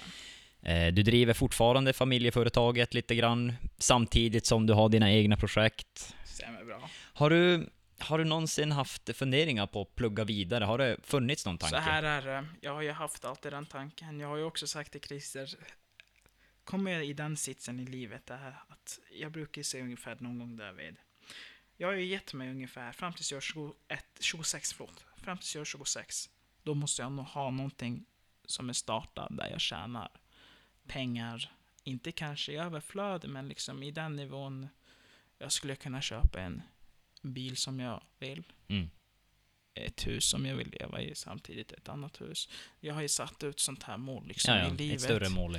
Ja, och sen har jag ju, man måste ju också detaljera sina mål. Det är jätteviktigt i livet, tänker jag mig. Jag läste en sån här, eller jag lyssnade på en föreläsare, en väldigt framgångsrik eh, entreprenör. Eh, just, han var i Turkiet och i Europa. Han var ju från Turkiet då. Så sa han att ni måste specificera era eh, mål Mm. i livet. Det räcker inte att du säger att jag vill köpa ett hus. Säg vad ska du köpa för ett hus? Vart ska det finnas? Mm, precis. Vad ska det finnas ens för glas? Mm. Som vi tidigare sa här, du tränar ju en hel del. Ja. Och du är till och med världens sjunde starkaste handikappade man. Stämmer bra. Alltså det är ju sjukt häftigt och grymt bra jobbat. Jo, det här är jag är ju extremt nöjd själv. Eh, sen att jag kom på sjunde plats, det är ju en helt annan sak. Men ens att kunna komma kanske så långt. Saken med den är ju egentligen att tävla, är att komma på första plats. Men... eh, Du är bara 19 år. ja, alltså, exakt, har- exakt, exakt. Ja, jag tycker exakt. det är sjukt Det är därför jag är ju så nöjd med mig själv också när folk har sagt Det ska det vara. Ja, så har de sagt att du är världens yngsta och det finns ju ingen annan. Eh, Det sägs ju att jag egentligen, jag är den enda, just i Disabled Strange så ju, jag är den enda som är dubbelbensamputerade. Mm. Eh, och en knä och en, eh, ja, jag har ju bara låret kvar på högra delen. Vad gör det för skillnad när du lyfter, alltså... I min sits, eh, det är väldigt mycket just om balans. Styrketräning. Eller? Eh, in- inte bara bollstyrkan, liksom. Du vet, även när du lyfter en sak, du väger ju mer halva din kropp, liksom. Högra Mm. delen av kroppen väger mindre än vänstra delen av kroppen. Okej, ja just ja. Mm. Eh, ska, du mar- ska du bänka exempelvis, då blir det ju ofta så att du måste se till och du måste försöka hålla dig rak för att det finns inget varken du kan hålla emot. Nej, Samtidigt nej, så är det obalans i kroppen, Mm. just på grund av vikten. Och den märker man av mycket då? Man märker faktiskt av det. Det är samma sak under marklyftet till exempel. Därför har jag alltid högra benet när man kollar på mig. Mm. Så ungefär i alla marklyfts, marklyften jag gör så Mm. har jag alltid högra benet vid sidan om. Det är för att stå mitt högra ben tät med mitt vänstra. Jag kan inte marka, jag kan inte komma fram eh, för att det hindrar ju mig. Och Mm, samtidigt när jag kommer okej. fram, då ramlar jag för att då försöker kroppen lägga halva vikten Ja. på högra benet, men du har ju ingenting att hålla emot Nej, för nej, att det är nej. så litet. Så därför tar jag den vid sidan och försöker belasta allting på vänstra benet. Eh, det tar ju mycket stryk i kroppen, det gör det ju. Mm. Men ska man uppnå vissa saker i livet, som jag sa i början, då måste du offra vissa saker. Jag tänker det. ju så här att jag har ju... Skälet till att jag började styrketräna, det var ju först och främst min kusin. Eh, han är en stor... Han har ju varit en stor idol för mig när jag var liten. Mm. Och ah, han är ju väl en av dem jag älskar mest i mitt liv. Liksom, Mm. mest. Och eh, han fick ju mig att starta, men jag har ju alltid haft den här just största idolen inom min träning. Det har ju varit Kai Green. Eh, han är en väldigt stor idol för mig. Mm. Det är en person som, du vet, som inte haft bra tillställt. När han var 11 år så han hade inget hem och Mm, bodde på de här eh, statliga hemmen och med mera. Eh, han fick inte en bra start i livet. Mm. Hans mamma lämnade honom och han är en sån positiv person. Mm. Och jag har alltid haft hans tanke när jag har tränat, liksom vad än det händer så måste du träna. Och eh, han har en, i, jag tror att det var i flygplatsen, så kommer barn åt honom och så, så säger han så här, barn, nu ska ni säga efter mig, I can do what I want. Mm. Så går den. Mm. Och jag tycker att det är jätteviktigt, liksom. jag kan göra vad jag vill. Mm. Och just en person som honom, du vet man säger ofta så hamnar de ju, just i USA, så hamnar de i kriminella situationer. Mm. Men inte han. Han blev en av världens största bodybuilders. Eh, många säger ja men de dopar sig och massa saker. Men det är ju en del av deras jobb. Liksom. Du tar ju bilen till jobbet. Mm. Eller liksom, du har ju, man måste för att du måste det är ju typ ett jobb. Det, folk ser inte det som det. Liksom doping, det är fusk. Det är inte fusk. Inte för dem, för att alla gör ju det. Om alla Mm. gör det, då är det inte ett fusk. Nej. Om, om, om det är bara han som gör det, eller om det är bara ja, en, två personer som gör det av tio personer, då är det fusk. Mm. Men inte om tio personer gör det. Och av de tio. Mm.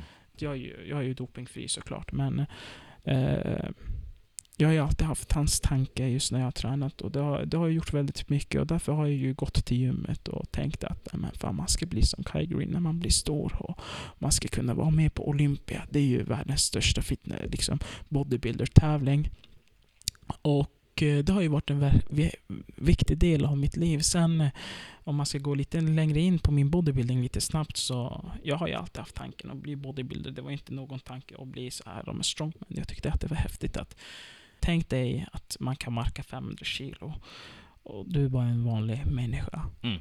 Du Nej, vet- jag kan inte ens tänka det. Nej, nej, du vet, alltså det, är- det är sånt här som fascinerar mig och det är ju egentligen som min drivkraft just inom sporten. Men sen ska ju egentligen allt det, jag har ju lärt mig att man måste ju vara sin egen motivationskälla. Så är det ju. Så jag brukar alltid tänka, de dagar jag har gjort mig jättebra i gymmet, det är de dagar som får mig att komma till gymmet. Precis. Eh, Så man måste vara fortfarande sin egen motivationskälla. Men jag fick ju ny, i vår så sökte jag, 2018 då, så sökte jag eh, till EFBB. Eh, Det är ju en internationell förbund Mm. och den finns även i Sverige för bodybuilders. Mm. Och de gav mig ett avslag på min ansökan. Jag ville Mhm. ju tävla mot vanliga människor liksom inom bodybuilding där. Jag vill ju inte tävla mot rullstol. Jag vill ju visa att vi som då saknar ben är ju som helt vanliga individer. Jag vill inte att man ska gruppera. Mm. Mm. Man ska inte klassa. För Nej. att då blir det ju så att du är inte en vanlig individ. Du är inte som de andra. Liksom. Nej. De här personerna ska tävla mot vanliga människor också. Mm. Mm. Annars ska man inte alls tävla tycker jag. Så, så anser jag det. För att du måste uppnå i den nivån. Mm. Alltså ska du tävla måste du uppnå i den nivån, tävlingsnivån. Där du kan prestera mot andra. Mm. Så är det. Jag saknar ben, men jag måste ju fortfarande träna ben. Så är det ju. Eller jag måste försöka. Mm. Sen kan man ju alltid lägga om lite regler sig och så om att är det någon amputerad person eller är det någon som, inte kan använda ben så får vi tillämpa det här, det här. Men man ska fortfarande tävla mot varandra. Eh, Även om du är handikappad eller om du är vanlig människa så ska man tävla mot varandra i samma gren. Det är så jag anser för att kunna få det här att gå ihop i framtiden. Mm. Det är det som är det viktigaste. Annars kommer vi alltid ha, men han är handikapp, han är en vanlig individ. Då Mm. kommer inte det här gå ihop i framtiden. Och jag tror att det är så många faktiskt intelligenta handikappade. För att du vet, det finns, de har ju inget annat att göra än att läsa och plugga Nej. i slutet. Och de är ju så pass smarta. Så jag tror att skulle man kunna få ut de här personerna ut i samhället. Jag tror att eh, vi hade kommit långt. Det är vad jag tror, eller vad jag har sett. Ja, jag håller mig fortfarande till det jag sa här tidigare, att det vi har en affärsidé här. Ja, det här det var... Du får marknadsföra, jag får, jag får gå och föreläsa. Vad säger du? ja, det, det låter bra. Men, alltså, för du bor ju nu i Vittangi och du driver företagen och men du tränar inte i Vittangi, du Nej. åker till Kiruna. Så är det ju att åka varje dag, två timmar, tur och retur alltså totalt. Eh, och gymma i Kiruna. Hur, hur tar du dig då till Kiruna? Bil. Det är bil. Det är bil. Det är, bil. det Alltså, är ju tufft, men du vet, det är, jag har ju sagt, det är ju vilja, men samtidigt är det så att jag får ju tid med mig själv. Du vet, jag, då kan jag ju börja, du vet som jag sa, utvärdera mig själv. Mm. Jag kan ju ta och döma vart jag har gjort fel och allt det här. Mm. Och jag får ju tid att döma mig själv och utvärdera allt vad jag har gjort under dagen. Mm. Så det är ju väldigt... Det är fortfarande en fördel, men det är en stor nackdel att så många timmar av ens dag egentligen går på bara bilresa och bara ta sig till gymmet. Det är ju det är bara gymmet det. Sen är det ju andra bitar också Jo, jo, jo, jo, men just det här med två timmar, det är bara bila dit. Men det är ett bra, alltså ett bra tips att uh, kunna Ja men eh, gå igenom dagen och kanske gå igenom lite vad som komma skall också Jo, i jo. bilen, att man kan göra det då och in, inte bara se det som en eh, en tidsbov utan att man utnyttjar den tiden Exakt, också. exakt. I början så såg jag det också lite som tidsbehov. Eh, eh, sen började jag, ju- jag åkte ett, eh, ett tag åkte jag taxi innan jag hade då körkortet. Mm. Eh, så läste jag bok eller läste tidningar och försökte göra någonting och nyttja tiden då. Sen nu när jag har fått bilen, det går ju inte att läsa. nej, nej, nej. Får du inte göra. Nej, det får man inte göra. Men eh, då har ju man lärt sig att utvärdera dagen och vad man kan. Många faktiskt nya affärsidéer har ju kommit just när jag har utvärderat vissa saker. Jag har ju tänkt så här, men vad är det som man kan förbättra Mm. efter vägen? Men eh, när du är på gymmet, hur länge tränar du ungefär ett vanligt gympass? Ett vanligt gympass. Eh, Idag, om vi tänker att du, som, hur du tränar idag helt enkelt. idag, idag har jag till exempel rygg. Det förhoppningsvis kommer det ta en timme och 20 minuter misstänker jag. Sedan har jag ungefär 10-15 minuter cardio. Eh, sedan är det förberedelse också. Du vet, jag tar ju kosttillskott. Så ungefär två timmar tar det ju. I just det gymmet. Och sen två timmar med bilen. Och två timmar vid fyra timmar har gått. Och sen så är det käka och laga mat. Så ungefär räkna två timmar bort från det också. Minst. Sex timmar. Ja, det är helt. Eh, sedan har du företagen, det räknar jag med att per dag spenderar ju minst fem timmar på det. Minst. Eh, sen är det inte alltid så mycket att göra, du vet hur det är liksom. Ja, ja. Eh, men ungefär fyra till fem timmar spenderar jag minst om dagen. Mm. Eh, sedan är ju resten av dagen, du ska ju duscha, du ska Sova. sova och sen så ska du förbereda inför imorgon. Och det finns ju hela tiden något att göra i ens liv. Så är det. Alltså du, du sa att, ehm, att du hade sökt in till en förening, en Europaförening sa du att det var? Eh, det är en världsförening, Världsförening. EFBB. Ja. Men tränar du nu för någon klubb eller förening eller Ja. har du några andra Så sponsorer? här är det ju. Jag har ju inga sponsorer alls. Eh, tävlingen har ju kostat mig väldigt mycket faktiskt. Jag har ju varit nu med på tre tävlingar i världen runt. Som jag sa, Tyskland, Island och eh, Norge. Och då betalar de själv? Jag har betalat, jag har stått för allting själv. Och sen är det ju träningar och det är Uff, bia. träningen! eh, där går man inte in på. Jag ju alltså. Jag beställde ju kosttillskott, du vet protein och allt det här. eh, Bara för en månad sedan. Och redan är ju en hel burk slut och jag betalade ju 7000 kronor för. Och du vet, det här kommer inte räcka så långt. Det är ju två och en halv månads period också. Mm. 7000. Tänk dig att du gör det. varannan månad nästan. Men så när jag tänker mig när du alltså käkar vanlig kost också, hur, alltså äter du normalt eller äter du mer än normalt? Eh, Jag är jättedålig i det här med kosten. Det är ju Okej. min största eh, svaghet eller? svaghet. Mm. Det, det, det är det ju. Eh, Min svagpunkt. Eh, om jag har deff-period som jag har haft just nu, men nu vet jag inte hur det blir för att jag ska vara med nu på eventuellt Arnolds. Okej. Det är ju världens största fitness-tävling Mm. egentligen, eller fitness-event. Mm. Där du har strongmans, eh, bodybuilders och... Men just den i Amerika är världens största och där det kommer 200 000 åskådare. Så Du ja. vet, de vi har haft max, det, ju, det har ju varit typ totalt 1000 kanske, Mm. knappt kanske det. Eh, och sen är det 200 000 åskådare där och sen är det från världen runt. Det är ju det är en helt annan grej. ja. Sjukt häftigt. Och jag blev inbjuden dit bara nu under, eh, för ett par dagar sedan Mm. faktiskt. Så man har ju suttit och funderat, ska man dumpa deffet, alltså dieten, Mm. och börja strongman igen? Mm. Eh, träna strongman för att jag har ju tränat bodybuilding-träning i princip de senaste tre månaderna. Mm. Eh, men man är ju fortfarande osäker, så nu har vi sagt att med min coach att det är så dyrt att åka dit. Det är ju 40k är det bara hotell och flyg. Två personer. Alltså 40 000. För, Ja, 40 000. Det är ju dyrt. Hur länge pågår det här? Det här pågår ju tre dagar, men vi är ju där ungefär sex, sju dagar. Jag har ju lärt mig att min kropp tar ju tid och du vet, flyga det... Jag hatar att flyga, jag hatar att bila till tävlingar. Det, ju, det tar ju så mycket energi. Det tar extremt mycket energi när man ska tävla. Mm. Så jag måste vara där minst två till tre dagar innan tävlingen om jag ska få det bra. Innan landa lite. Ja, ja, ja, för att det tar tid för min kropp att kunna komma tillbaka. Och när det handlar om Amerika och måste ställa om dygnet.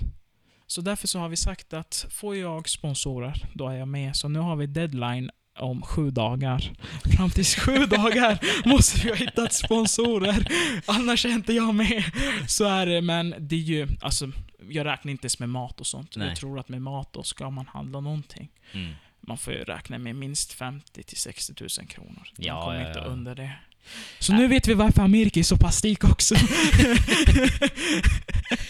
Alltså jag tänker mig, många hade ju kanske gett upp redan där, bara för att de ser det som en kostnad och en börda för, att- för dem själva. Men du verkar ju bara säga att det alltså, är kul och att det nästan är värt det att göra jo, det. jo, jo, jo, jo. Jag ser ju, jag... eh, jag ser, Vilken upplevelse också förresten. jo, det är ju så. Du vet, jag, jag spenderar pengar för framtiden. Mm. Så är det ju. jag, jag lägger ju pengar här.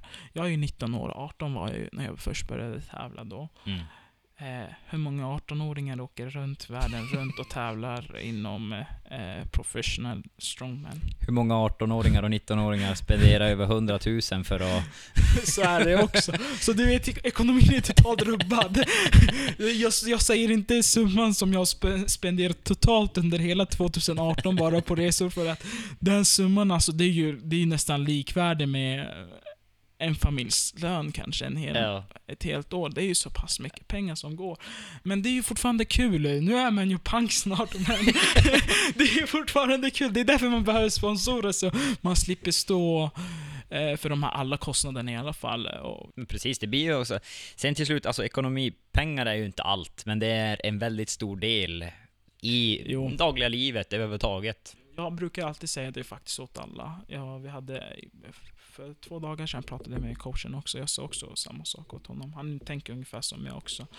Man ska bli så pass bra på saker man gör så att man får betalt för det. Mm. Det ska bli ens egen källa, inkomstkälla. Absolut. Så är det ju. Absolut. Blir du bra på det du gör, då får du då tjänar du pengar på det. Så är det ju. Och det är just den här brytpunkten som man måste komma och bryta. Och det är därför jag åker och tävlar. Jag vet att jag tjänar ingenting. Jag går till och med pank eventuellt. Någon gång kanske Kronofogden knackar på dörren. Hallå, hallå, nu vill vi ha pengarna tillbaka. Exakt, nej men det tror jag nog inte. Man har inte spenderat på kort på just kreditkorten, men... Eh, eh, ja, så det, det handlar om att spendera pengar inför framtiden. Jag eh, satsar ju just för framtiden. Jag vet att just nu kommer Mm. inte det löna sig någonting. Även om jag kan få sponsorer. Jag får inte Sponsorer som kan sponsra mig med 100, 200, 300 000 kronor, det får man ju glömma. Kanske ett par tusen lappar, det är Mm. det enda man kan få. Och man måste ju just komma till den punkten där alla vill ha, komma åt dig. Jag själv vill vara alltså, glad och nöjd och, och inte behöva tänka på pengar. För har man det här, alltså pengar kan ju vara någonting som stör en. Att du bara, okej, nu måste man lägga ut för det. Och nu måste jag lägga ut för det. Och tänker man så hela tiden, då blir det ju ett störningsmoment. Mm. Och den biten vill man ju komma ifrån. Så därför är ju fortfarande pengar en viktig, bild, eller en viktig del i bilden, men det är ju inte allt. Pengar ska ju vara ett verktyg Mm. för att nå en bättre framgång. framgång då. Mm. Eh, jag har ju haft det här målet med att när jag är 90 år gammal, om jag överlever så långt, så vill man ju vara med på Forbes, för att Forbes är det högsta du kan komma upp. Liksom. Eh, vara med där på topp 100. Mm. Det är ju väldigt, det är extremt fascinerande. och du vet, därför har man ju satt upp faktiskt massa mål också. Mm. Du vet, jag har ju massa affärsidéer som jag har sagt, satt upp. Så här när jag har nått, säg typ tusen kronor, nu är det såklart, men det är bara ett exempel. När jag har nått upp tusen kronor, då ska jag börja med ett annat affärsidé och starta Mm. igång den samtidigt. När jag har nått upp 10 000, då startar jag den andra affärsidén. Mm. Så bygger man upp sådär. Mm. Nu är inte det, tusen kronor är ingenting, men det är bara ett exempel. Liksom. Precis, precis. Det är så jag har planerat hela min affärsliv. Mm. Och det är därför jag satsar så mycket hårt just nu på mitt byggföretag. Mm, mm, mm. Ja, det är, det är riktigt intressant. Eh, vi har ju pratat nu lite om eh, egentligen större delen av din resa, så det är fortfarande, det har hänt så otroligt mycket för dig under egentligen din ungdom, kan man säga. Jag tänkte fråga, hur hinner du med allt du gör idag och var kommer ditt driv ifrån? Mitt driv kommer ifrån, om jag svarar först kanske på det, det kommer egentligen från eh, barndomen tror jag. Mm. Som jag sa, man måste vara sin egen motivationskälla i början. Sen kan du få motivation från andra, men det håller inte så långt ut fortfarande. Så jag har ju alltid haft, du måste ju som jag sa i början också, att du måste hela tiden sätta mål i livet. Det är extremt viktigt. Har inte du något mål i livet, du vet inte vad du ska göra. Du vet inte vad du ska uppnå. Du vet inte hur det ska bli. Därför så har jag ju lärt mig att planera in och sätta realistiska mål. Jag anser ju att man kan hela tiden bli bättre som vi sa på allt. Eh, så motivationskällan måste vara dig själv. Så är det. Det är vad jag tror på. Så du måste sätta, du måste vara realistisk samtidigt. Mm. Ja, det, det är ett riktigt bra tips och just att arbeta med mål och alltså inte bara se till andra utan se till sig själv som du säger. Mm, mm, mm. Du vet, vi kan ju sitta här och gråta om men han har det så här bra, han har det så här eller hon har det så här bra. Det spelar ingen roll, vi är inte bra. Det är vi som ska bli bra på det. Precis.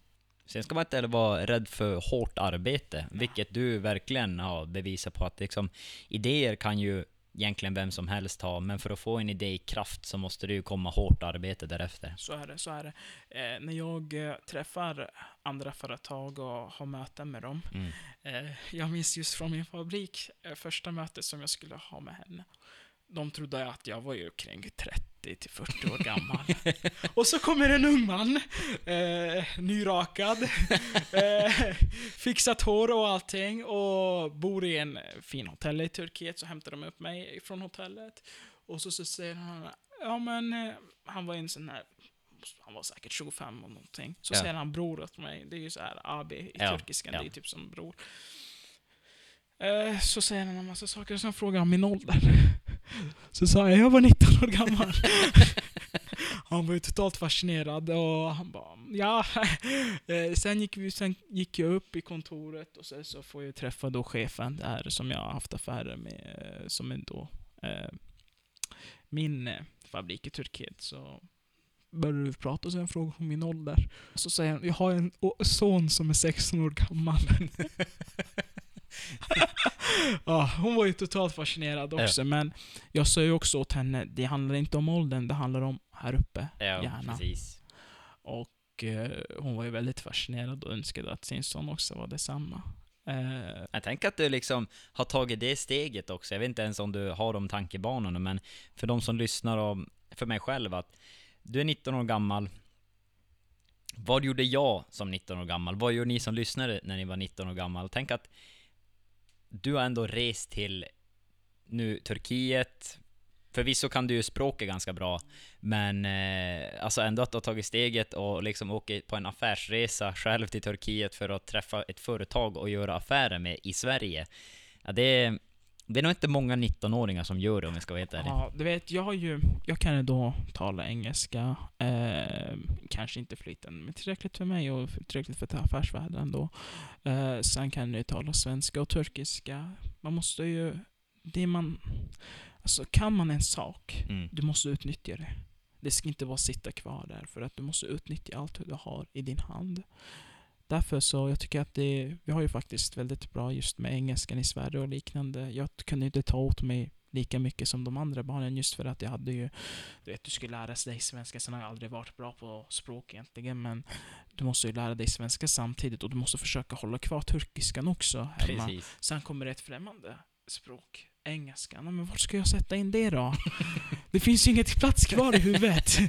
eh, men hur som helst, så jag försöker hela tiden utnyttja dem. Och därför ska man vara väldigt öppet med världen runt omkring. Tänk dig utanför Sverige hela tiden. Jag tänker mig innanför Norden. Jag ser ju Sverige, jag, jag tänker inte bara enbart Sverige när jag gör affärer. Jag tänker i Norden samt utanför Norden. Det är det man också ska göra om man vill uppnå något större. Sverige, inte är, Sverige är inte ett sånt stort land. Det är 10 Nej, miljoner. minimalt. Ja, Det är minimalt, Det är stort exakt. till yta men litet till befolkning. Men lägg ihop äh, Finland, Norge och Sverige. Danmark finns ju redan väldigt mycket just att de är nära Tyskland och Mm. de andra. Men just de här tre länderna, lägg ihop dem. Nästan 20 miljoner. Mm. Du har ju ett väldigt, ja, du har ju lagom stort land. Mm. Precis. Det är så man måste tänka efter. Mm. Och bygga sin kontaktnät tror jag efter det också. Det är därför Christer är en väldigt viktig person för mig. För att han har den kontaktnät som jag saknar just här. Här i närområdet. Ja, exakt. Och här i närområdet eh, så är det ju finskan och vi Ja. har ju väldigt många norrmän. Ja. Men ehm, vi ska ta och hoppa in på en av mina favoritdelar egentligen, i och med att det har kommit mig väldigt nära nu närmsta två, tre åren. Man har, jag kan anse att de flesta har det här genom hela livet och det är en mentor. Bara det att man kallar det inte en mentor utan ofta så det kan vara en kompis, det kan vara flickvän, det kan vara morsan, farsan, eh, det kan vara vem som helst egentligen. Kusin, bror, vad som helst. Och eh, Ronny sa det på ett ganska bra sätt och det ett bollplank. Där man liksom kan kasta då helt enkelt en idé, helt enkelt bara ställa en fråga eller vad som helst. Så för mig har det ju varit så att jag har haft eh, eh, farsan, nu har jag även min farbror och vissa kompisar och eh, framförallt då min flickvän har jag haft som bollplank och man kan, man får någon utomstående, som, och då tänker jag utomstående från mitt huvud helt enkelt, och bara få ett annat synsätt på min idé eller mina tankar. Jo, jo, jag håller faktiskt med dig där helt. Uh, du vet, det är därför man ska... Du vet, jag sa i mitt inre, liksom, jag pratar ju med mig själv. Och du vet, pratar man med sig själv som en annan individ och tänker som en annan individ, då kan du fortfarande bolla med dig själv. Det är just för, liksom, du, måste, du kan komma upp i den nivån liksom, där du känner ombord att det är två personer där du kan tänka, du vet. Det är alltid bra att få åsikter från en annan person. Det är extremt viktigt. Det gör jag ju också. Jag har ju just min kompanjon, min kusin, eh, han tänker ju totalt annorlunda jämfört med mig. Så det är jätteviktigt att just, du vet, man ska ha folk som inte tänker sig som sig själv liksom. Nej. Och bolla med. Sen ska man ju inte låna fjädrar från andra och liksom göra, ta deras, utan man ska ju göra det man vill, men alltså ändå kunna ta åsikter och så att man får det här helheten i det hela, så att man ändå förstår vad andra tycker och tänker lite, men inte liksom frångå från sin egen idé så att säga. Nej, nej, exakt. Men för att gå tillbaka till det här. Vi delar ju en mentor och ett så kallat blonk, bollplank då. Och om man då kan säga så helt enkelt. Eh, då du brukar ha möten en hel del med min farsa. Och det är ju, som du sa då, kanske en, en två gånger i veckan ni snackas vid och träffas kanske några gånger i månaden. Stämmer bra. Vad för möten brukar ni ha? Vad, vad pratar ni om när ni har möten? Eh, när jag har något nytt affärsidé på G. Först utvärdera dig själv. Jag går igenom affärsidén, försöker utveckla den till bästa optimala för att kunna komma upp till Christer och dela idén med honom. Sedan så tänker han igenom. Eh, sedan så ger han Det är en bra idé Onor, eller så är det dålig idé Onor. eh, så, så är det ju. Eh, och eh, sen är Christer är ju en, hur ska man säga, han har en väldigt stor network. Mm. Eh, en väldigt utvecklad är det ju. Ja, här i närområdet är det väldigt Jo. bra. Jo, jo. Och Kiruna egentligen och Gällivare tänker jag mig. Är ju, jag sa ju samma sak åt Christer här för någon vecka sedan, eller jag frågade honom just frågan. Du vet, tänk dig att just i den lilla staden Kiruna och Gällivare så har vi fått så många entreprenörer eh, som finns i Stockholm, Norrtälje som din eh, farbror, Mm. eh, och runt om i landet som har faktiskt blivit väldigt framgångsrika. Mm. Och det är ju en av de anledningarna är ju kanske för att de, vi här i Kiruna har ju det lite bättre ställt jämfört med de övriga delarna av landet. Mm. Så just därför är ju väl Kiruna väldigt bra för entreprenörskap. Sen kan ju kommunen, det kan ju diskuteras, men jag säger ingenting åt kommunen. Det är just liksom lönestatistik och liknande, Mm. det säger ju att liksom har man mer att kunna försörja sig på av sidan om, där man kan spara, då kan man ju per automatik förverkliga fler drömmar. Så är det. Pengar drar, vi brukar säga i turkiskan så brukar vi säga att pengar drar pengar. Oftast så blir det ju så att då har du sen också kapital som du kan liksom, ja men det kan ju vara så att du slutar ett jobb och så har du kapital åsidosatt för att kunna börja med ett företag och sånt. Det är bara där är det ju svinviktigt. Exempel på dig Hjalmar. Du, du, vad, jag har, vad jag vet, vi visste inte så mycket när, när du var, bodde här så mycket om varandra egentligen. Eh, här i Kiruna. Sen flyttade du till Stockholm. Om du inte jobbade i LK hade du kanske kunnat Ja, ja. åka. Precis, men jag åsidosatte ju pengar och sen nu har jag Ja. startat eget helt enkelt. Exakt. Så det är så jag jobbar idag. Jo, och jag tycker just att Kiruna är ju en stor fördel på den delen. Sen måste man ju, många är ju en sån person också att Kommer det 100 000 kronor in i kontot, då slösar man de här 100 000 också. Kommer det in 10 skoter. 000, ja men det är ju så många är i Kiruna faktiskt. Ja, ungefär alla. Eh, Men det är ju vad inte de, de vill helt enkelt och, och det är ju inget fel i det. Men ehm, eh, om, om vi skulle gå tillbaka till mentorsfrågan här så eh, vilka tycker du ska ha mentor? Alltså ha en mentor att träffa och hur tycker du en mentor ska fungera? om jag utgår ifrån Christer, eh, din far då, så Christer är ju en... Jag tycker att en mentor ska kunna ta fram, som då Christer ta fram nackdelarna. De nackdelarna jag inte kan se i min affärsidé kan ju han se. För att han tänker helt annorlunda jämfört med mig. Precis. Förmodligen. Jag tänker mig, du vet, många är rädda att träffa nya människor och liknande. Jag är inte en som är rädd att träffa nya människor. Som ni Nej. har märkt så är jag väldigt bra på att prata också. eh, men eh, man ska inte vara rädd för det. Så därför ska man ju ta in folk, som jag sa, som har en helt annan tankesätt än vad du har. För att det är jätteviktigt att hur de ser det. För att jag ser inte det som en konsument. Han kan se det som en konsument. Christer ser förmodligen inte det heller som en konsument för att han tänker ju som en företagare. Han tänker ju som en entreprenör. Mm. Fast på ett annat sätt som du jag, exakt. Så tar vi en tredje person också in, där han tänker som en konsument. Ja, men hur kan jag förbättra min produkt? Precis. Det är därför, att ha men flera mentorer, det är jätteviktigt. Just att, både för konsument, ett annat företagande sätt, liksom, hur han tänker det. Eh, sen är det ju, jag har ju idén såklart, och sen får man ju bolla mellan. Men vad kan konsumenten eventuellt säga? Det kan vara fler än bara en, helst fler än bara en också. Så har man ju fler att bolla med, för att då får man ju en optimal produkt man får ju den bästa produkten som man eventuellt kan få ur den här affärsidén då. Som kan då sälja och du kan bli en framgångsrik företagare eller entreprenör beroende på vad du har för affärsidé. Precis. Brukar du ha, eller har du någon mentor eller någon inom träningen? Inom träningen.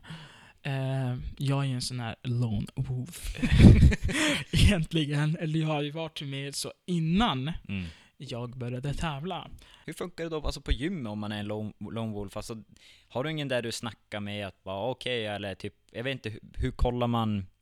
Jag tänker, hur gör man, eller förbättrar man eller perfekterar träningen helt enkelt. Så här är det ju. Först och främst, som jag sa, du måste vara kriti- du måste kritisera dig själv. Man måste vara kritiserande. Jag tycker att skolan som jag har gått i, skolorna jag har gått i, de har gjort mig en väldigt kritisk person mot mig själv då. Det, är ju, det, ska, det ska få en positiv inverkan, inte en negativ inverkan som faktiskt många får. Eh, speciellt unga, du vet, kritiserar sig själv, hur de syns, ser ut och allt det här. Det är inte det jag pratar om här. Det är ju hur du kan bli bättre. Som jag har sagt sedan starten av podden, vi ska kunna bli bättre. Och då är det ju att jag spelar in. Jag kollar på spegeln. Hur, hur utför jag övningen? För att få den optimalt. Anledningen till att jag har blivit så här stor, eh, som jämfört med andra 19-åringar, det är just att jag har kunnat optimera min träning. Jag säger ju så här, jag säger det åt alla. Alla kan träna, men alla kan inte träna effektivt. För att kunna träna effektivt måste du först och främst kunna kritisera hur du tränar. Vart du kan förbättra. Jag vet ju vart jag kan förbättra i min träning som jag har varit väldigt lat på. Det är ju att äta. Jag äter väldigt dåligt. Jag har ju varit en sån där person som hela tiden har hängt med de som är äldre. För att det är de som kan lägga till något nytt i mitt tänkande i, och lära mig något. Vi har till exempel Lukas i gymmet. Han är ju 31 tror jag han är. Han är ju grövre än mig och större än mig och han är ju, han är ju han är en väldigt fin person. Eh, så ibland, jag brukar ju alltid prata med honom och säga hur kan jag förbättra här? Jag har ont här, vad säger du om det här? Så bollar man lite idéer med honom så hjälper han till. Och jag, jag gör ju samma sak med Ja, andra precis. också. Igår så hjälpte jag till tre personer till exempel i gymmet, just med deras träning. Det kommer folk och sen så frågar de "Men hur tränar du, hur tränar du? Hälsa på. Och så blir det ju, man blir som en stor familj. Ja, precis. Och de här personerna kan du bolla idéer med och hjälpa till. Man ska inte vara rädd att ta kontakt helt enkelt. Nej, exakt. För att hjälper jag till dig, då blir du bättre. Sen i framtiden blir du eventuellt bättre än mig, förmodligen. Så kan vi bolla idéer mellan varandra. Precis, exakt. Och det är ju, du ska bygga en framtid hela tiden. Du ska inte tänka, men idag gör jag det här, imorgon gör jag det här. Tänk vad du ska göra om ett år. Tänk vad du ska göra om en månad. Längre än så. Nu ska vi hoppa in på avslutningsfrågorna. Och det är ganska svåra frågor. Vissa har haft enkelt att svara på dem, vissa har haft väldigt svårt att svara på dem. Men eh, vi ska se här. Det är otroligt spännande frågor enligt mig. Vad är det bästa tipset någon någonsin har gett dig? Uff, det här var svårt.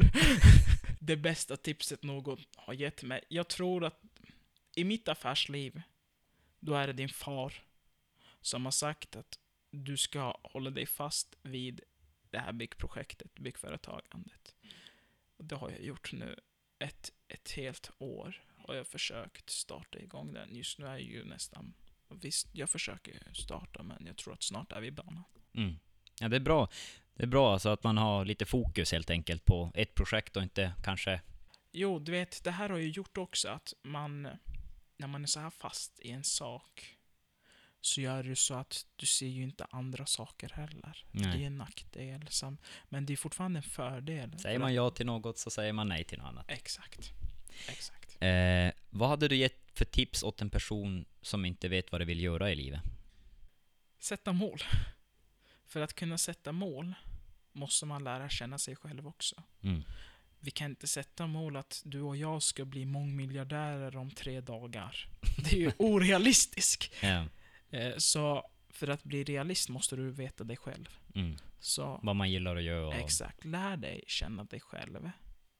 Bry dig inte om så mycket om vad andra säger. Eh, sedan sätt mål i livet. Det är väl de tre stegen jag skulle... Ja, men det är kanonbra tips. Det är riktigt bra tips. Och så till den tredje och sista frågan. Vart kan man följa dig och komma i kontakt med dig? Eh, ja du, jag har ju en Instagram-konto. Jag kallas ju för Hercules on Wheels. Det passande namn. Det är, det är en vän som kom faktiskt på när vi bollade idéer. Där ser man. Ja, det är ett grymt namn faktiskt. Ja, ja, ja. Jag tänkte så här, ja men, man vill ju ha nytt tänkande. Så sa han, men Ono, du vill ju ha nytänkande, du är en entreprenör. Ja. Du måste komma på något innovativt. Så sa jag, fan, vi tänkte där tio minuter. Så sa han så här, Hercules, varför heter inte du Hercules? Så sa jag, ja men ska vi sätta On Wheels? Mm.